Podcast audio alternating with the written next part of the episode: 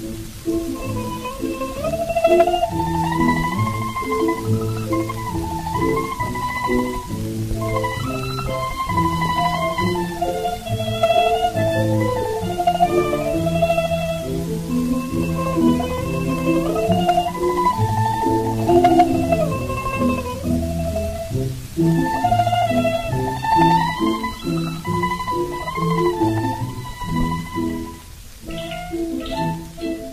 Þessum þætti ætlum við að ræða þrjá fjársjóði. Töfrasverðið Kusanagi, galdraspeilin Yata no Kagami og eðalsteinin Yasakani no Magatama. Eh, Þetta eru hinn þrjú krjúnu djást japansku kesarana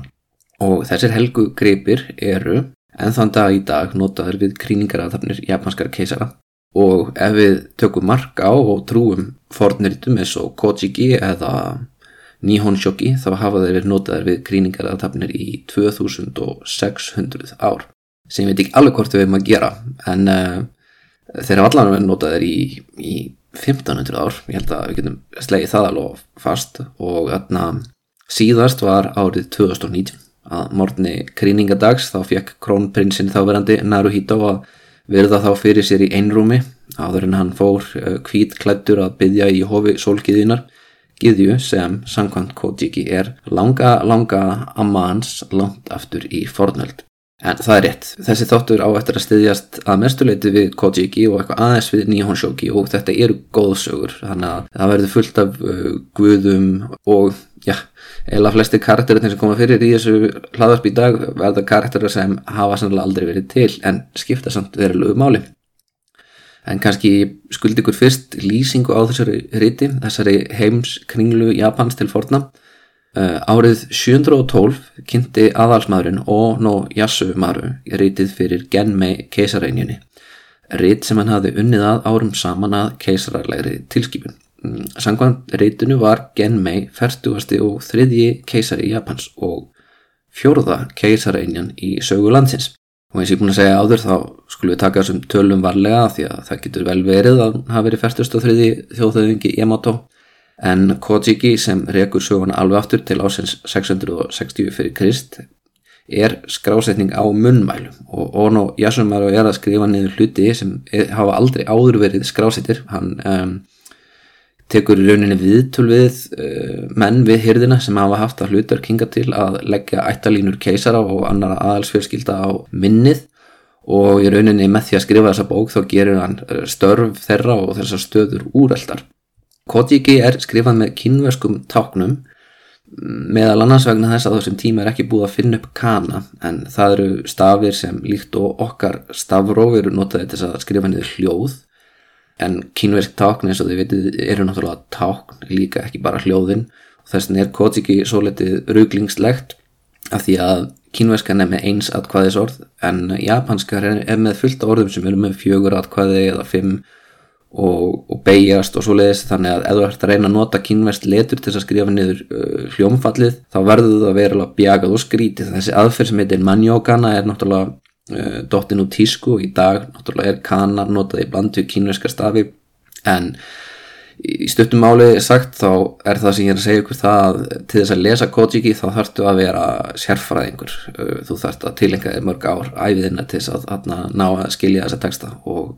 og það er ekki öðvelt þólum að þess verk, getið trúað. En Kojiki hefst það sagt á því að lýsa sköpun heimsins, tilkomu himnaríkisins taka Makahara og Guðana þar. Og ég fór aðeins yfir það í fyrsta þættinum, fæðingu solgiðunar Amaterasu, stormguðsins Susanoo og tunglguðsins Tsukuyomi. Fyrsti þrýðungu bókarnar fjallar alfarið um þessa guði og ákamið þeirra. En skulum við reyja örstnögt upp atbyrðarásina eins og hún kom fyrir í fyrsta þætti. Ísanagi og Ísanami koma til hérðar og byrja að fjölga goða kyninu eins og þeim er ætlað. Og börnin sem þeir eignast eru guðir og líka eigur eins og Honshu, Kyushu og Shikoku sem uh, saga okkar fyrir að mestu reytu fram. En að lokum deyr Ísanami þegar hún fæðir eldguðin Ho-Musubi og Ísanagi í bræði sinni tekur upp sörsitt og heggur svon sinni í áttabita sem verða að átta eldfjöldum hann heldur svo inn í ríkina döðu til að sjá konu sín aftur en hún rekkur hann í burtu og sendir skrimsli og drauga á eftir einmann sínum sem verður að reynsa sig að lokinni þessari heljar för og eins og ég nefndi í, í fyrsta þættinu þá er náttúrulega snirtimennskan í fyrirrumi í Shinto og ritualísk böð og svoleiðis uh, og hreinsannar aðtapnir eru mikil þáttur í þessu. Og fátt er óreitna en dauðin en í rauninni er eiginlega allt sem getur komið fyrir þig einhvers konar mengun, einhvers konar spilling. Það er bara tilvist okkar hér á þessari jörð er skítug uh, og van helg En sagt, við þessa hreinsun, þessa hreinsunar atum, þá eh, fæðast eh, síðustu börn Ísanagi og Ísanami. Það er að segja, Amaterasu kemur út um vinstra augað á pappa sinum, Tsukuyomi um, út úr því hægra, eh, það er sólgiðin og tunglguðin og síðan kemur Susanoo þegar hann snýtir sér. Og Susanoo er svolítið svona æsla belgur, hann er stormguðin og hann er svona tricksterfígura og, og óþokki ótt á tíðum, líka hetja, eins og svona tricksterar er oft. Um, og Isanagi hann skiptir heiminum á milli þessara sískina og Amaterasu fær himinin og að drotni yfir Takamagahara og Susanoo fær hafið. Og Tsukuyomi og Amaterasu giftast en það eru ímsa sögur um það hvers vegna nótt og dagur eru aðskilin og, og það eru oftast eitthvað að gera með það að Tsukuyomi hafi brotið eitthvað af sér. Eh, Amaterasu er náttúrulega eh, vendarkiðja keisarana og þar að leiðandi er hún með mjög gott PR teimi í kringu sig eins og til dæmis Kojiki. Kojiki jæna, ja, setur hana í gott ljós skulum segja, sólgiðan er sínd í sínu besta ljósi. En Susanoo, hann er ekki sáttur þessa skiptingu, hann er ávalt ódæll og hann fer eftir hlimna til að ræða þetta við sýstu sína sem treystir blóðu sínum ekki bön og mætur honum í fullum herrklæðum Susanoo bregstu þessu með því að segja hei Sýsti, hvað á þetta eiginlega þýða? Ég er hérna komin í kurtleisis heimsókn og þú tekur á mótu mér vopnið í Brynju. Ég er bara mjög, ég er bara, bara mjög sár. Eflust uh, orðaðan þetta aðeins uh, dannaðra á forni japansku en í stuttumáli sagt það fara sískinina að kýta og það endar á keppni þeirra á milli þar sem þau tiggja uh, allskins luti og hrækja þeim frá sér og uppspretta nýja guðir. Susanoo tekur sverðið sitt, hann tiggur það og þegar hann hrækir því út úr sér sprett upp þrjár giðjur og það er skemmtilegt að segja frá því að þessar þrjár giðjur eru tilbennar en þann dag í dag í þremur aðskildum síntohofum næri Fukuoka í norðurluta Kyushu. En Amaterasu tyggur hins vegar hálsfestina sína sem er með mánalaga steinum og ég þarf eiginlega að fara út í að útskýra það aðeins því að þetta er svolítið mikilvægt atriði á eftir þegar við tölum um hvernig uh, krúnudjást Japans er og hún er sérstaklega með Magatama í hálsvestinu sína. Eða þetta er svona Magatama hálsvesti og frá kofun tímabilunum áfinna ógurinn öll af þessum hálsfestum eða þessum steinum uh, sem aðalsfólk að grafi með. Uh, það lætu grafa sig alltaf með einhverjum flottum brónsspeglum og oft brónssbjöllum og náttúrulega ef þetta eru konungur þá kannski sverði. Og þeir sjáu þarna sverð, speil og uh, Magatama. Þetta eru krúnudjásnin sem ég taldi upp inn hérna áður. Um, þessi steinar eru oft á tíðum úr jaði eða kvars, flögubergi gneis, leir en lögurinn hún er á allt svipið, þetta er svona hálf mána eða mánalaga skífa og það er til algjörð kenningur um hversagna, það er þannig. Það gæti verið að Magatama hafi upprunnilega átt að líka eftir vítunum randýra og það meikar sens því að það er svona hálfmána að sveia í þeim og það er þetta svolítið cool að þú ert konungur eða drottningi yfir svona brónsaldarsamfélagi eða ég vil bara steinaldarsamfélagi að vera með uh, eh, vítönnur á aðna í hálsvesti á brjóstiðinu aðrir skýra þetta að þetta hafi verið frjóðsumistákn og sé svona í læginu að því þannig leggja fóstur í móðurkviði sem er skemmtileg kenning, þetta meikar alveg sens að uh, svona konungafólk hafi verið með einhvers konar frjóðsaminstákn uh, utan um hálsin. Svo getur líka verið að Japani til forna hafi talið að sálinn eða andi fólks hafi verið svona í lænu sem er líka mjög skemmtileg pæling því að þá er þetta einhvers konar sálna hálsfesti sem allir bronsaldar konungarnir í Japan bæru. Og svo getur líka vel verið að það sé augljósasta svarið sé því rétt á þeirra að segja að Magatama hafa átt að líkjast tunglinum enda er þetta í læginu eins og hálfmáni. En stuttasvar er að við vitum ekki. Við vitum bara hér um fyrir allt aðalsfólk og sérstaklega konungar letu grafa sig með Magatama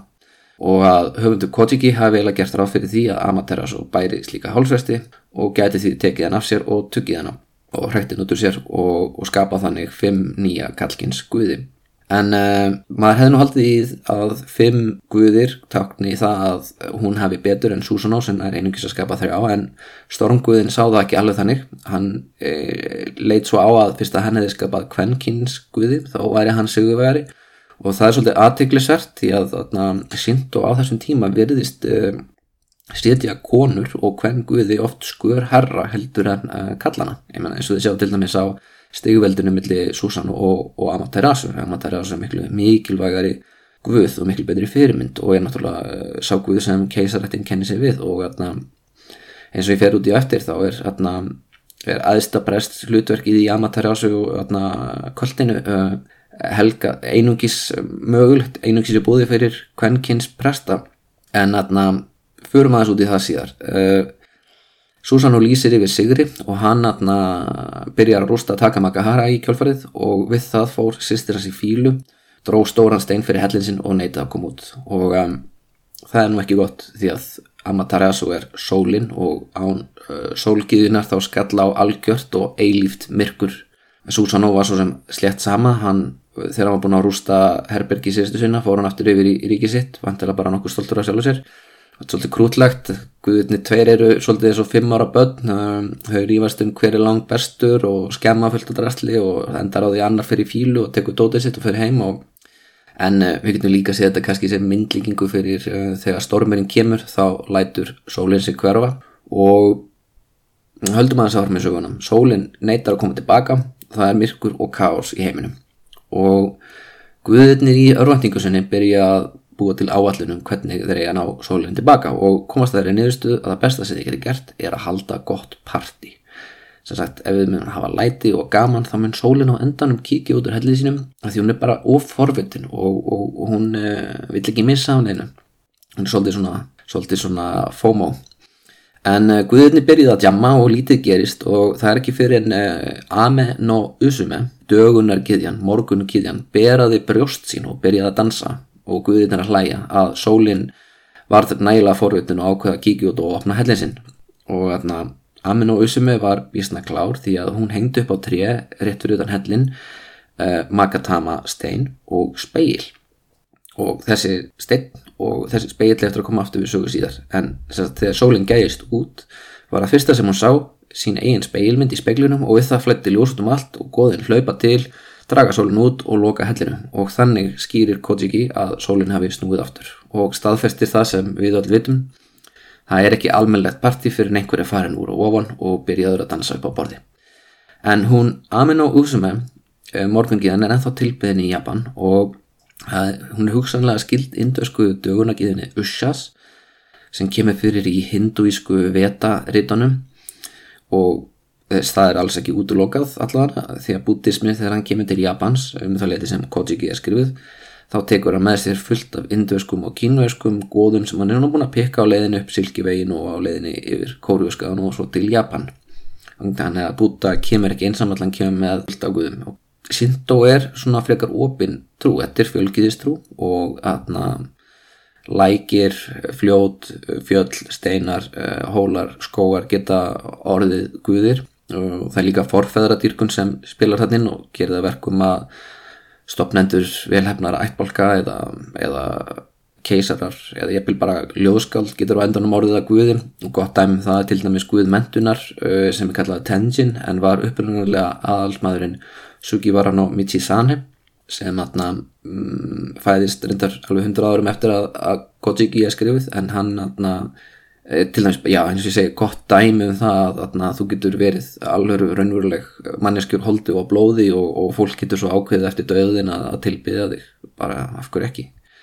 En um, já, það er samt engin guð með stóru G, það er engin seifur, það er engin óðinn, það er engin jave. Um, en ef eitthvað góð er miðlægt þá er það hugsalega amaterasu uh, vendargóð keisara fjölskytunar og það allana, allana er, það, er það hún sem er sett í miðjunni af þeim sem skrifa söguna. Og það er Genmei Keisarrenja sem pantar þessa frásögn af skrifbendinum og Nója Sumarum eins og ég sagði aður og þessi Keisarrenja hefur meðalans það hlutverk að passa upp á hóf sólargiðunar á Íse Skaga þar sem, takk ég nú vel eftir, speillin er kemdur speilin, þau vitið speilin sem Amen og Usame hengdi á trið fyrir utan helli sólargiðinar og var það fyrsta sem sólgiðan sá þegar hún kom út aftur í heiminn. Þessi speil er einn af þessum þremur krúnutjásnum japansku keisarifjölskytunar og vantanlega þá uh, var þessi speil líka það fyrsta sem að na, Naruhito Kronprins sá þegar hann vaknaði hérna, í fyrra daginn sem hann varð keisari en að öllu jöfni er hann geimdur í Ísihofinu á Ísiskaga svona í sunnaverðu Honshu. Þar að segja ef hann er raunverulega til ég er svo sem ekki að gefa neitt í skinn sko. Ég menna þú veist ég bara benda á það að, að það er hengin nema fólk sem er með blátt blóð í æðum sem hefur fengið að sjá og verða þess að luti fyrir sér í svolítinn tíma. En þess að aðstupresturinn í Ísihofi er alltaf kona sem er náskild keisarannan í dag er það til dæmis yngri og það er uh, núna þúsund ára hefð en um, á tímanum sem Kojiki er skrifað þá er þetta líka sko mikilvægt pólítist aðrið sko. Af því að ef þú ætlar að egna þér heiðurinn af því að uppskýra hans er góð þá verður þú þá er eins gott að fólk trúi því að þú sért milliliðurinn millir þeirra og sólargiðunar og að þessu upp þessi grúnudjást það er líka heilug hálsvesti eða stein sem sagt Magatama sem er emitt eitthvað sem bronsaldar prestakonungar uh, svona í kringum árið 0 í Japan voru með. Og Magatama er í sjálfsögðu það sjálfsögðu sér komið úr tísku í dag valda menn í dag eru með bindi þegar þeir fara á mikilvæga fundi. Þeir lapp ekki með mánasteins hálsvesti þegar þeir aðna fara inn á Zoom-fundin í dag en uh, þegar Kojiki er skrifuð þá er Magatama líka dóttið út tísku aðals fólk er komið í kynverst silki og hefur önnur stöðu tákn. En, en einhvað síður er þetta eitthvað sem að, að veist, allir vita hvað er. En já, svo er líka taurasverð en hvaða taurasverð? Já, ég er alveg að fara að koma að því. En uh, við skulum tjekka á því hvaðan Súsona hefur fyrir stafni núna. Því að eftir að hann var að búin að hrella sýstu sína þá fer hann sjálfsög aftur til jarðar og því með alveg ímynd ykkur á að jörðin sé á þessum tíma sokkin í káos og myrkur. Það er svolítið svona stemningin í þessari atna, sögu. Því hann rekst á hóp grátandi jarðarguða í Ísumu héræði og hann spyr uh, hvað er í gangi. Og þeir lýsa því að stór áttahöfðasnákur sem heitir Yamata no Orochi uh, fær um landið, hann eigði öllu sem hann sér og hann er búin að geta frá þessum jarðarguðum sjö dætur. Og nú er hann að leiðinni þess að geta þá áttundu og síðustu. Og þetta er svona klassísk rittarasaga eða veist, hvað haldið þið er svona farand stríðsmaður eins og Susanó segir þegar hann átt að segja á því að áttundadótturinn er forkunarfögur þokkadís að nafni Kusinata Hime. Hime er enda bara svona uh, virðingatitill, þetta er mætti því að sem prinsessa en Kusinata þessi er giðja hrísgróna og því ekkert svona slæmur kostur fyrir stormguði eins og Súsana sem að sjálfsögðu segir bara ekkert mál en að ég gerir bara það skilir þið að ég fá að giftast prinsessinu. Þetta er svona saga eins og uh, rittarar fara og segir að drega eða bara um, Super Mario, hann fer og segir að Bowser og, og eldir prinsessuna. Þetta er nú bara eiginlega alveg eins uh, frásögn og nefnum í þessu tilviki þá notar þann Súsana við átta saketunnur uh, sem hann uh, sake er náttúrulega mjög mikilvæg drikkur í síndóhefðinni uh, og fyrir svona alls konar helgi aðtapnir og líka sem fórn en svo svona ætla þó ekki að fórna hann inn og hann ætla ekki að detti í það heldur tekur hann þessar átta tunnur og hann býr til átta göð því sjá til eins og ég nefndi aðan þá er þetta átta höfða snákur og uh, svo svona gerir áferði því að snákurinn eftir að vera forvöldin þegar hann sér þessi, þessar hólur og munir skrið og nýjar og hann gerir það einmitt. Og þá uh, stekkur svo svona uh, úr félagstæða sínum og heggur hausana af algjör snild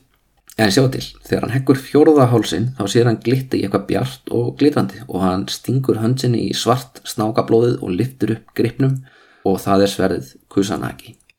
sem er eitt af þessum þreymur krúnutjásnum í japansku keisarana það sem sagt var uh, sverð sem fannst inn í áttahöfða snáki. En já, þetta er svona svolítið eins og fantasíu skáltsaga hann tekur þetta sverð og hann gefur sýstu sinni eh, Amaterasu af því að hann er svona að reyna að byggast afsökunar og komast aftur í náðina og, og svo á Amaterasu síðar eftir að arfleiða að keisarana að þessu sko. Og þetta er náttúrulega táknum það Sipá var og það Artur hafi Excalibur. I'm your king. Well I didn't vote for you. You don't vote for kings. Well how'd you become king then? The lady of the lake her arm clad in the purest shimmering samite, held aloft Excalibur from the bosom of the wartime. signifying by divine providence that I, Arthur, was to carry Excalibur. That is why I'm your king. Listen, strange women lying in ponds distributing swords is no basis for a system of government. En allan að svo staðirind að keisarættin hefði Kusanagi í fórum sínum um, gaf þeim réttin til þess að ráða yfir Japan og já, það er nú það. Það er til ímsa sögur um þetta sverð á tímum Keiko keisara sem eh, ég þarf alltaf að taka fram að var ekki háerningur en þeim eða samt alveg endilega ímyndigur að Japan hafi verið stýrt af háerningi það hjálpar ykkur að muna nafnið. Keiko keisari sem samkvæmt Kojiki drotnaði við Japan á annar öld eftir Krist Svonur hans, prinsinn Yamato Takeru, fekk sverðið Kusanagi að gjöf frá frængu sinni sem var aðstebærestur við Ísehof eins og ungar uh, keisara megar eru oft. En sagt, hann tekur þetta sverð og byrjar að fremja hitudáðir með því. Þetta er svona svolítið arturískar uh, sögur. Uh, ef við tökum nýhónsjóki á orðunum þá gerði prinsinn þau mistök að taka töfrásærið ekki með sér í bardaga sem kostaðan lífið. Og það er svolítið skrítin mistök að því að ef ég væri með galdrasærð sem myndi gera mig ósegrandi það myndi ég sannlega ekki gleyma að taka það með mér í bardagamóti skrinsli en við skulum ekki dvelja ómikið við það því að við erum ekki 100% vissum að Keiko keisari hafi verið til í alvörunni og við erum heldur ekki 100% vissum þar að lenda prinsina og sónur hans Yamato Takiro hafi raunverulega verið til. Allavega þessi ævindir sem Nihon Shoki lýsir eru fyrir eitthvað hæpin. Það er nú skemmtilega senur eins og hann uh, fyrir kvennmannsöðu til að blata óvinni sína. Hann best við skrýmsli eiginkonans uh, fórnar sjálfur sér til að friðþægja Guði og tryggja eigamenni sínum gott veður á farðalögun sínum og í nýjónsjókit er hann í orustu en uh, samkvæmt Kotiki þá fær hann nú bara óskup vennilega hitasótt en uh, ástæðan fyrir að hann fær hitasóttina er það að hann gerði grínað einhverju fjalli og fjallaguðin í fjallinu uh, bölvaðunum. Og hann er nú það en sverðið var síðan tekið og geimt í Atsuta hofi sem var ekki sérstaklega til að geima þetta. En það er til önnur sagum af hverju þetta sverðið geimt í Atsuta hofi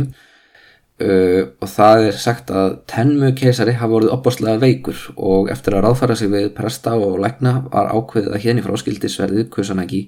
ekki vera gemt í höllinni heldur fá hóf útaf fyrir sig.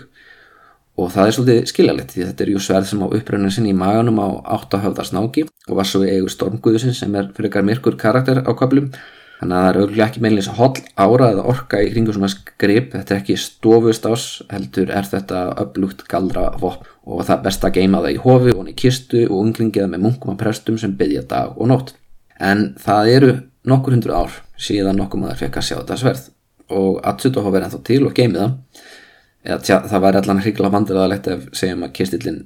í hofinu væri ekki mennitt sverð. En um, Ef við tökum eitthvað marka á Heike Monogatari sem er sagnabálku skrifaður á 13. öld á svipuðum tíma og Íslendingar skrifuðu Íslendingarsögurnar ég má eiginlega segja Heike Monogatari sé svona njála þeirra Japana því hún segir frá samuræjum uh, og öðrum stríðismunum sem bara get ekki hægt að hefna sína okkur öðrum í svona blóður í borgarastyröld og það er ekki fyrir en uh, þeir átt að segja á hverfuleika heimsins og sannleika búttismanns sem friður verður mögulegur alveg eins og njála í rauninni atna, segir okkur hvernig við gáttum ekki hægt að drefa hvort annan fyrir en við tókum við Kristi í lífið okkar. En allavega sangkvæmt Heike Monogatari þá týnist Kusanagi í sjóorustu og á þessum tíma hafði keisarættin klopnað í fylkingar önnu fylkingin hafði tekið Kusanagi úr hofinu út á rúmsjó og það fóð bara ekki svo betur en svo að báturinn með galdrasverðinu sökt til bots en það er líka önnu kenning sem kemur faktist fyrir í Heike Monogatari líka og það er gefið í skinn að kóresku munkur við þetta hof hafi stórlið sverðinu og stungið af með það til kóru og í báðum tilvöku meirurinnum orður um að ræða. Um, en það er allavega nokkuð útlokkað fyrir okkur að sjá þetta sverð uh, jafnvel þó þú kæri hlustandi væri fórstjóri Mitsubishi eða forsættisir á þeirra Japan teldi ég hæpið að þeir eru hleftin í hófið, hófið til að kíkja onni kistilinn. Og þar sem þú ert að hlusta með núna í íslensku hlaðvarpið þá er alla líkar á því að þú sért ekki áhrifamæður í japansku samfélagi og ekki skildur einhverjum í japansku keisarafjölkytunni en í sagnariti sem var gefið út árið 1725 á miðju Edo tímabilinum skrifaða Shinto-presti á þeim tíma þar segir frá mjög aðtiklisverðu náunga nefni Matsuoka Masano. Masano þessi var prestur sem vann við Atsutohof og vegna framkanda við hofið þá slísaðist hann til þess að sjá sverði sjálft. Og hann lýsi því hvernig þessi steinkistill opnaðist og inni í honum var rauður leir og annar viðarkistill úr kamfóru viði, gildur að innan og í honum var sverðið. Og samkvæmt Masano var sverðið um það byl 80 cm að lengd. Eggin líkust kalmuslaufi og uh, ég verði nú eiginlega skjóti inn, ég vissi náttúrulega ekki hvað kalmuslauf var en þegar ég googlaði það þá fann ég myndir af uh, plöntur sem lítur út af, fyrir að vera svona blanda af gras, strái og aloe veru plöntu ef það segir ykkur eitthvað. En náttúrulega miðja sverðsins var sagt samkvæmt þessum presti mjög þjætt handfangið uh, var um það byl 18 cm og myndi á hrygg á stórum fiski. Og sverðið sjálft var hvít á litin um, þannig að það hljómar eiginlega eins og þetta sé sverð sem uh, sé búið til úr snákabeinum eða eitthvað álíka eins og, eins og þessu líst sko, eða allavega eitthvað mjög skrítið. En eftir þetta slís þá var Matsuoka og Masano rekin úr vinnunni og aðri prestar sem ráku augunni en Helga Grip voru líka reknir. Og það sem er merkilegt er að þessi menn vektust allir og dóu skömmu síðar. Svo það er kannski ekki svo vittlust já tenmu kesar að reysa sérstætt hóf utanum sverðið og hætta að geima það heima hjá sér. Og það er víst, talið víst að allir sem sjáu sverðið og eru ekki með blátt blóði í eðum ja, þeir munu degja á hrigalan hátt en sem sagt, sverðið er gemt í Atsutohofi og beirst gemt þar og, og kannski best að við fáum aldrei að sjá það. Speil sólargiðun er gemtur í Ísehofinu og, og það er engin bölvun á, á þessum spegli svo ég veit til. Og Yasakani no Makatama eða mánalaga eðalsteinin sem fyrstu keisararnir bárum hálsinn sennilega og var að sögn gjöf frá morgungiðunni Amen og Uzume til sólargiðunar Amaterasu er gemt í einu af hófunum þurrimur innan keisarhallarinnar eða í Tókjó í dag en þessi munir eða eftirlíkingarnar sem hugsanlega voru gerðar á þeim einhver tíman á miðöldum uh, ef maður er svona virkilega sínískur sakfræðingur getur maður trúa því Það er eiga rættur sínir að reykja til þess tíma þegar keisalinn var aðstiprestur sólargiðju og bara einn af fjölmörgum brónsaldakonungum sem drottnuðu yfir eigaklassunum á Kofun og Jajoi tímabilinu. Og svo við höldum áfram með fyrsta þriðjum Kojiki þá segir uh, sagnaritið okkur frá því þegar hann Ame nigishi kuni nigishi amutsiko hiko ho no ninigi no mikoto er sendur til jarðar af ömmu sinni, sólargiðinni, með þessa þrjá muni í fórum sínum. Hann er með þess að galdrasverð, galdraspeil og eðalstinn og hann kemur til Japans og hann kennir fólki að rækta hrískrjón og er yfirleitt ekki kallaður Ame Nigishiku Nigishi Amu Tamatsu Hiko Hiko Hono Ninigi no Mikoto heldur bara Ninigi af vinum sínum en baddabann hans, Jimmu, er samkvæmt Kojiki fyrsti keisarin uh, og hann ákveður að yfirgefa konungdæmið í Kyushu og halda austur þar til hann kemur í Kansai hérað þar sem í dag eru borginnar Osaka, Nara og Kyoto meðal annars. Og hann stopnar þar nýtt konungdæmi sem nefnist Yamato. Og þó svo tímatalið sem Kojiki gefur okkur sé sennilega ránt þar að segja að það er ekki líklegt að Yamato hafi verið stopnað 600 árum fyrir Krist þó svo ofinberlega hafi keisarættin verið til í 2600 ár og og hver er ég til að draga það í það